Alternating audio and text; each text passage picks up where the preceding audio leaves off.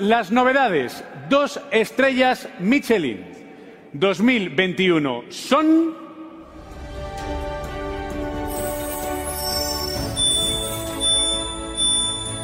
Adelante, calle, dito el primero. Potic, Albert Sastregener, Corsà. Tan sentit, Jordi Artal, Barcelona.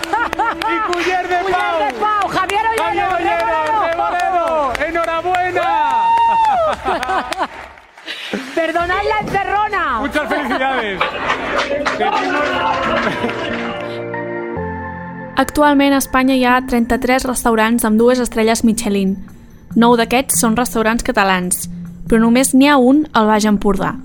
És el Bòtic de Cursà, que va rebre la seva segona estrella Michelin a la gala celebrada el desembre de 2020. Malgrat que aquest reconeixement és el que l'ha donat a conèixer com un restaurant de primer nivell, el Bòtic és molt més que un restaurant d'alta cuina. La història del Bòtic comença l'any 2007 quan la parella formada pel xef Albert Sastrejaner i la sommelier Cristina Torrent decideix obrir un restaurant.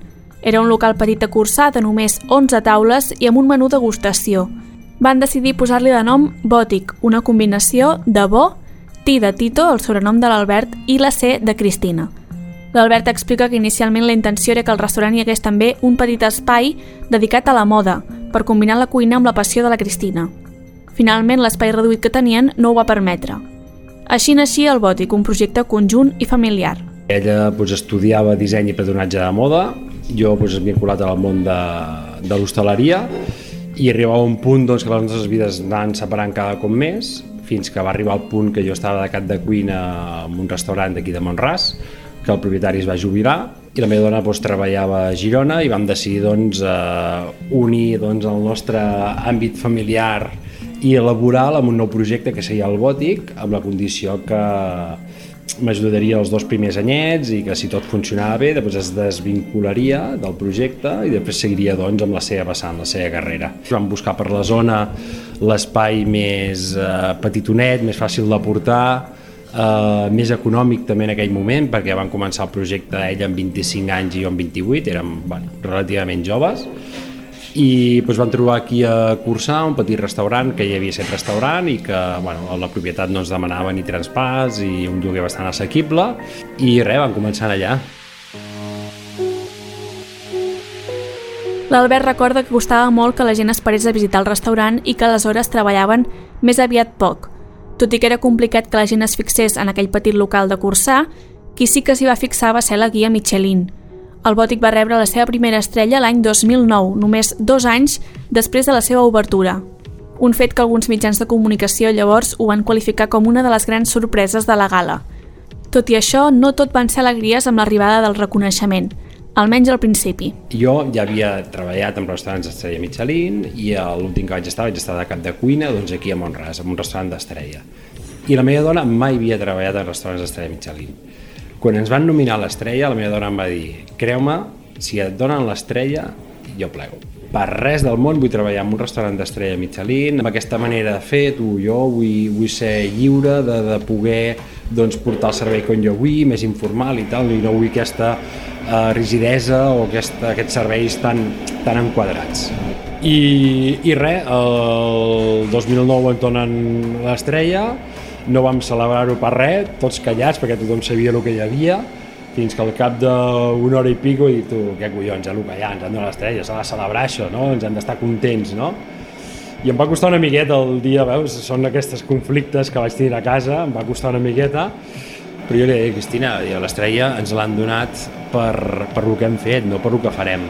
I hem de seguir fent, doncs, eh, el tipus de, de cuina que, que fem i ten, tinguent els mateixos valors i ja està, vull dir que no et donen una estrella per el que faràs demà, sinó te la donen per el que has fet. No? L'estrella va posar el bòtic al mapa, malgrat que l'Albert assegura que en cap moment el seu objectiu era perseguir aquest premi. Al cap d'uns anys, el seu primer local se'ls va començar a quedar petit. És per això que el 2017 el bòtic va canviar d'ubicació i es va instal·lar en una antiga fusteria de carruatges de Cursà. Un local fins a 10 vegades més gran per acollir aquell projecte amb ganes de créixer. Ja en aquell moment, l'Albert i la Cristina tenien clar que l'experiència bòtic havia d'anar molt més enllà de només la cuina.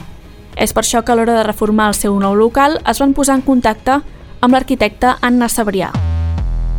Jo el que tinc molta memòria és de, de la primera vegada que ens vam veure, que és això, després d'una trucada prèvia, preguntar-me si m'interessava, amb molt poca informació, i quedar-hi directament a l'edifici actual del Bòtic, a cursar eh, en el moment que, doncs, doncs, que havien fet la compra-venda i que encara tenia aspecte de, de fusteria i, i que era una nau eh, deserta, pràcticament sense paviment, hi havia algun lloc que encara eh, diguéssim, encara hi havia terra no? com a paviment, que hi havia un galliner, que hi havia doncs, els rastres de, de, de l'últim estadà, no? diguéssim, allà.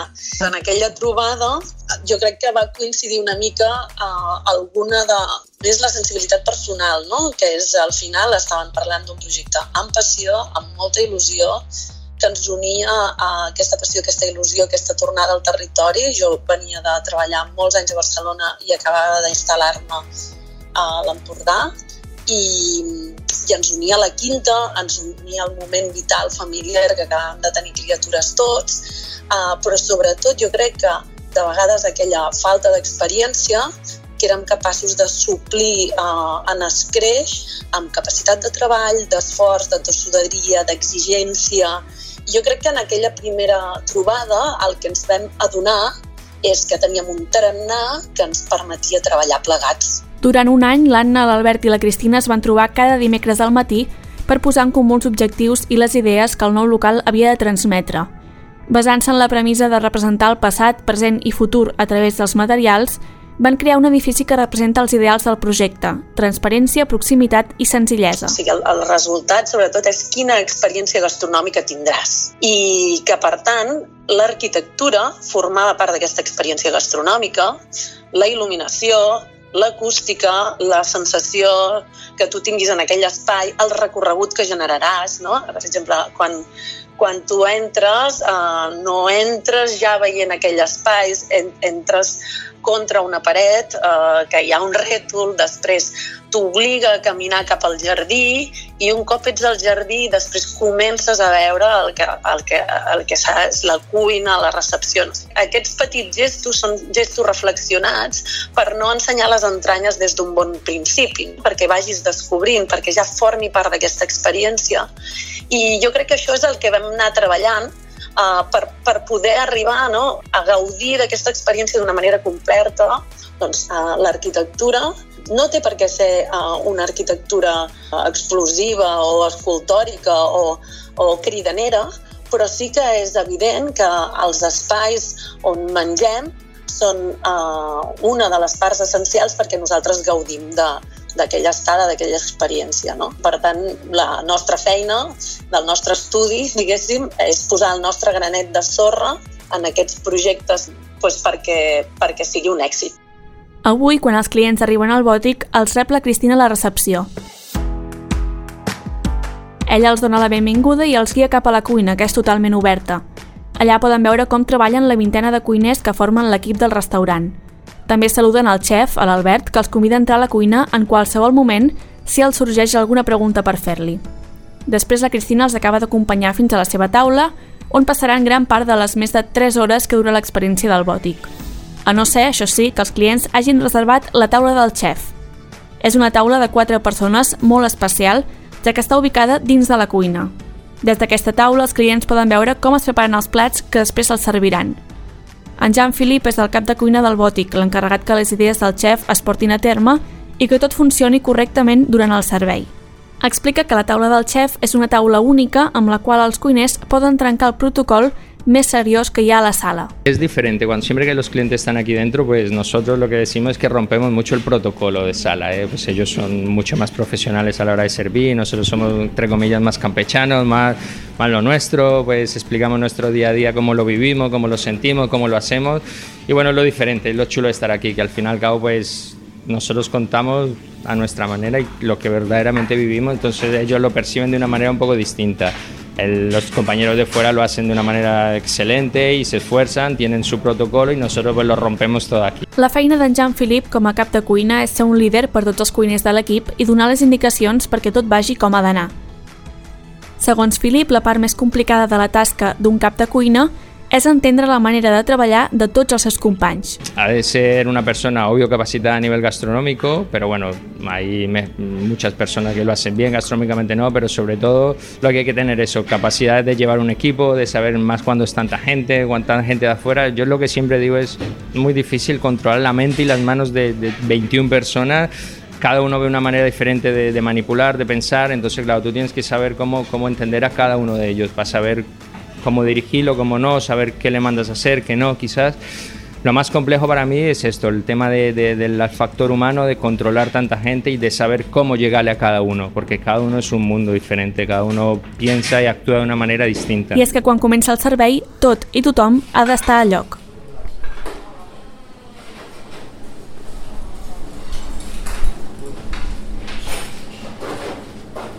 A diferència del que un pugui pensar a causa de la influència dels programes de televisió, el servei és silenciós i molt ordenat. Durant les 3 hores que dura, només se sent el soroll dels plats coberts i els anuncis que el xef va fent al seu equip. Pasan dos pastis con hielo seco, por favor. Dos bares han salido, ¿eh? Sí. Marcha vale dos, perdón, cuatro cuberts. Serán cuatro degustas. Ojo con esto, ¿vale, chicos? Que tienen restaurante con estrella también. Serán cuatro amanidas. Seguimos con cuatro melones extra. Cuatro bacalaos, cuatro mares, cuatro pescados, cuatro chais, mesa nueve, chicos. La manera de poder treballar còmodament és que els nanos, el pas que facin, el mil·límetre que utilitzin del taulell, sigui perquè l'han de fer. Què vol dir això? Una prèvia, doncs, molta organització, molta disciplina, molt de comunicació amb els caps de partida, molta comunicació amb la gent de pràctiques, molta comunicació amb els ajudants i que en tot moment tothom sàpiga el que ha de fer amb el seu espai tan reduït de, que té per treballar, no? I és la manera això, és molta, molta comunicació, tant jo anant al darrere, implementant un sistema de treball d'organització, de silenci, de netedat, de respecte, de companyerisme. Intentem que a partir de, de, de la una que comença el servei fins a les tres i mitja que acabem nosaltres, hòstia, aquest relax sigui pues, impoluto, que tots els nervis s'hagin quedat amb la mise en place i a disfrutar d'empletar o d'acabar de cuinar doncs, aquests plats per posar-hi el màxim d'amor i carinyo, que hem de ser responsables, que tenim gent que ve de molt lluny i que es gasten molts diners a casa nostra i hem de ser doncs, responsables de que el client s'ho passi bé, que disfruti, que mengi a gust, que pugui entrar per la cuina i vegi doncs, una organització digna d'aquesta responsabilitat que tenim i que res, que el temps que han gastat, el temps i diners que han gastat doncs, a casa nostra sigui una experiència formidable. Durant el servei, l'equip prepara els dos tipus de menús que s'ofereixen al bòtic. El menú degustació, de 150 euros, i el menú del xef, de 200. Cadascun d'ells té una trentena de plats dividits en diverses seccions i que poden variar segons l'estacionalitat i la climatologia. La cuina d'Albert Sastrejaner es basa en la cuina tradicional catalana, però transformant-la i dotant-la de complexitat. El menú comença amb uns entrants renovats, entre els quals hi ha, per exemple, les típiques tapes o altres plats conegudíssims com un gaspatxo o un còctel de gambes. Hem engegat el servei ja i ara estem aquí a la partida del, dels snacks, d'acord? La partida dels snacks la dividim en quatre passes, el que és el bar, l'estació, els rostits i la pastisseria. Més endavant arriben alguns plats amb encara més elaboracions, com l'anomenat arròs al quadrat o el fòssil d'ostre. El Filip està acabant doncs, una, un arròs que és un, diguem que és un arròs al quadrat, no per la forma, sinó perquè porta dos vegades arròs. El menú del xef amb una ostra, vale? juguem amb ostra, colombra, alfàbrega i cítrics. Tenim a la part dreta doncs, una ostra que ens ve de la part nord-est de França, de la zona de Marenys, de l'empresa Gautier. La Gautier ens fa un calibre especial, la número 1, i és la ostra amb més qualitat i tamany que hi ha doncs, amb aquesta empresa. Uns plats moderns i innovadors, però a la vegada amb unes arrels molt clares i presents. Estem fent cuina tradicional, empordanesa catalana, i ens nutrim dels productors que tenim tot al voltant, inclús anem a buscar aquest petit productor no tan conegut per donar-li més, més veu i per, i per fer-lo créixer i, que, que i, i, i, bueno, i que, que ens nutrim doncs, d'aquesta aquest, primera matèria bona i bàsicament representem amb la cuina que fem cultura, gastronomia, territori, costums. Ens diuen copieu i uah, jo copio la meva mare i la meva àvia, supercopiadors de la cuina que hem amat a casa eh, i que la feien amb molt d'amor i carinyo i que quan entro encara de vegades a casa dels pares sento aquesta olor de, del conill rostit, dels cargols, dels guisats, dir, som màxims copiadors de la meva àvia i la meva àvia o de la meva sogra.